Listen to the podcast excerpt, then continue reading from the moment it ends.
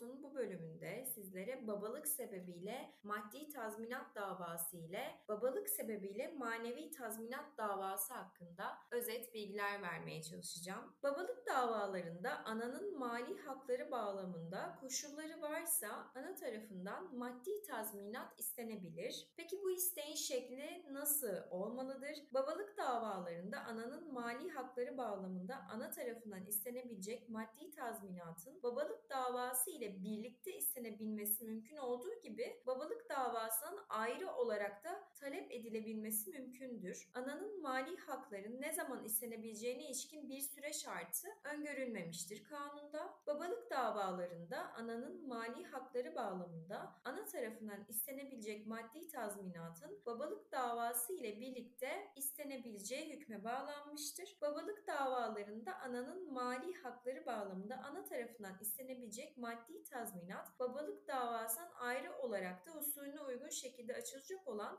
bağımsız bir dava ile de talep edilebilir. Maddi tazminat babalık davasından ayrı olarak aile mahkemesinde açılacak olan bağımsız bir dava ile de talep edilebilir. Ananın babalık davası ile birlikte veya ayrı olarak baba veya mirasçılarından karşılanmasını isteyebileceği mali haklara istek halinde faiz işlenebilir. Mali hakların konusu olan giderler genetik babaya yapılan ihtarla birlikte muacel olacaktır. Genetik babaya ihtar yapılmamışsa dava tarihinden itibaren faiz istenebilecektir. Ananın babalık davası ile birlikte veya ayrı olarak baba veya mirasçılarından karşılanmasını isteyebileceği mali hakların takas edilmesi mümkündür. Babalık davalarında ananın mali hakları bağlamında ana tarafından istenebilecek maddi tazminat harca bağlı olmadan istenebilir. Babalık davalarında ananın mali hakları bağlamında ana tarafından istenebilecek maddi tazminat üzerinden vekalet ücreti verilmez. Peki bu isteğin kapsamı nasıl olacaktır?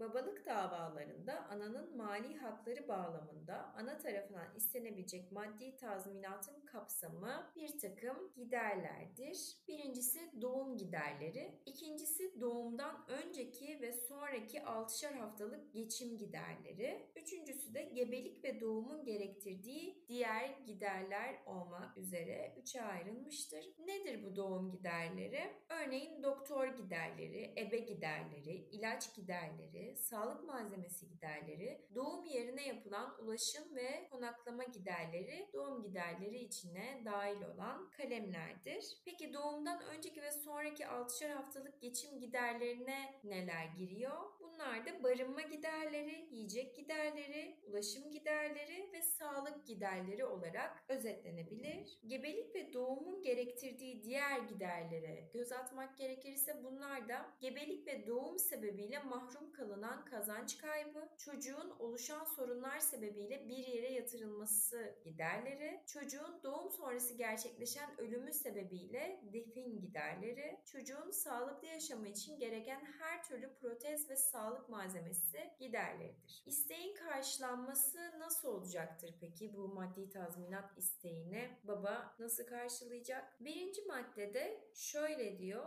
Çocuk ölü doğsa bile giderlerin karşılanmasına karar verilebilir. İkinci başlıkta anaya yapılan ödemeler hakkaniyet ölçüsünde tazminattan indirilir diyor. Üçüncü maddede kusur aranmayacağı belirtiliyor. Dördüncü maddede gerekirse bilirkişi incelemesi yapılabileceği belirtiliyor. Beşinci maddede ise bu istemlerin aile mahkemesinde inceleneceğine dikkat çekiliyor. Babalık sebebiyle maddi tazminat davası konusunda Yargıtay 2. Hukuk Dairesi'nin vermiş olduğu bir takım önemli kararlar bulunmakta. Tanesinde şöyle der. Ananın mali haklarının ne zaman istenebileceğine ilişkin bir süre şartı öngörülmemiştir. Türk Medeni Kanunu'nun 304. maddesinde babalık davasına bağlı olarak ananın mali hakları düzenlenmiştir. Ana babalık davası ile birlikte veya ayrı ayrı olarak baba veya mirasçılarından Türk Medeni Kanunu'nun 304. maddesine sayılan mali haklarını isteyebilir. Davacı açtığı babalık davasının kabulüne ilişkin kararın kesinleşmesinden sonra Türk Medeni Kanunu'nun 304. maddesindeki hakkına dayanarak bu davayı açmıştır. Türk Medeni Kanunu'nda ananın 304. maddesindeki mali hakların ne zaman istenebileceğine ilişkin bir süre şartı öngörülmemiştir. Mahkemece bu husus göz önüne alınmadan hak düşürücü sürenin geçtiğinden bahisle red hükmü kurulması doğru görülmemiştir der. Yargıtay 2. Hukuk Dairesi'nin bir diğer kararında ise şöyle diyor. Maddi tazminata dava tarihinden itibaren faize hükmedilmesi gerekir. Davacı Türk Medeni Kanunu'nun 304. maddesi kapsamında istediği maddi tazminata dava tarihinden itibaren faize hükmedilmesi gerekirken kararın kesinleşme tarihinden faize hükmedilmesi doğru değilse de bu yön yeniden yargılama yapılmasını gerektirmediğinden hukuk usulü muhakemeleri kanununun 438. maddesinin 7. fıkrası gereğince hükmün bu bölümünün düzeltilerek onanmasına karar vermek gerekmiştir demiştir. Evet sevgili Law Podcast dinleyenleri, babalık sebebiyle manevi tazminat davası nedir? Bu konuyu biraz özet bilgilerle incelemek gerekirse 743 sayılı Türk Medeni Kanunu'nun 305. hükmünde yer alan manevi tazminat 4721 sayılı Türk Medeni Kanunu'nda düzenlenmemiştir. Koşulları varsa gerek ana ve gerekse çocuk genel hükümlere göre genetik babadan manevi tazminat isteyebilir. Genel hükümlere göre açılacak olan manevi tazminat istemi aile mahkemesinde incelenmeyecektir. 4721 sayıda Türk Medeni Kanunu'nun yürürlüğe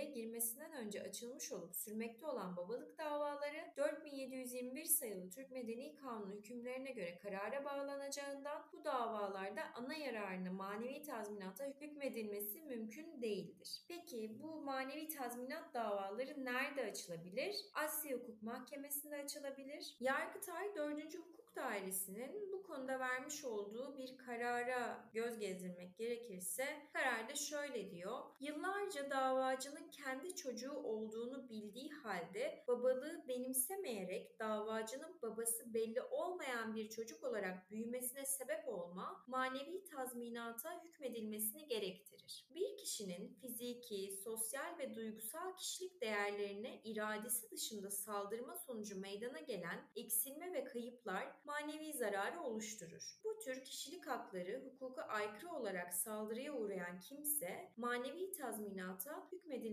isteyebilir. Yasalarımız manevi tazminat verilebilecek olguları sınırlamıştır. Bunlar kişinin ve ailenin onur ve saygınlığına yönelik suçlar, kişilik değerlerinin zedelenmesi, isme saldırı, nişan bozulması, evlenmenin fesli, babalığın benimsenmemesi, bedensel zarar ve öldürmedir. Davalı yıllarca davacının kendi çocuğu olduğunu bildiği halde babalığı benimsemeyerek davacının babası belli olmayan bir çocuk olarak büyümesine sebep olmuş. Bu duygu nedeniyle davacının üzüntü ve elem duymasına neden olmuştur. Açıklanan nedenlerle davacı yararına manevi tazminata hükmedilmesi gerekirken yazılı sebeplerle reddine karar verilmesi yerinde görülmemiş ve bozmayı gerektirmiştir. Evet sevgili Law Podcast dinleyenleri. Bu bölümde sizlere babalık sebebiyle maddi ve manevi tazminat davalarından bahsetmeye çalıştım. Bir sonraki bölümde farklı bir konuyla görüşmek üzere. Hoşçakalın.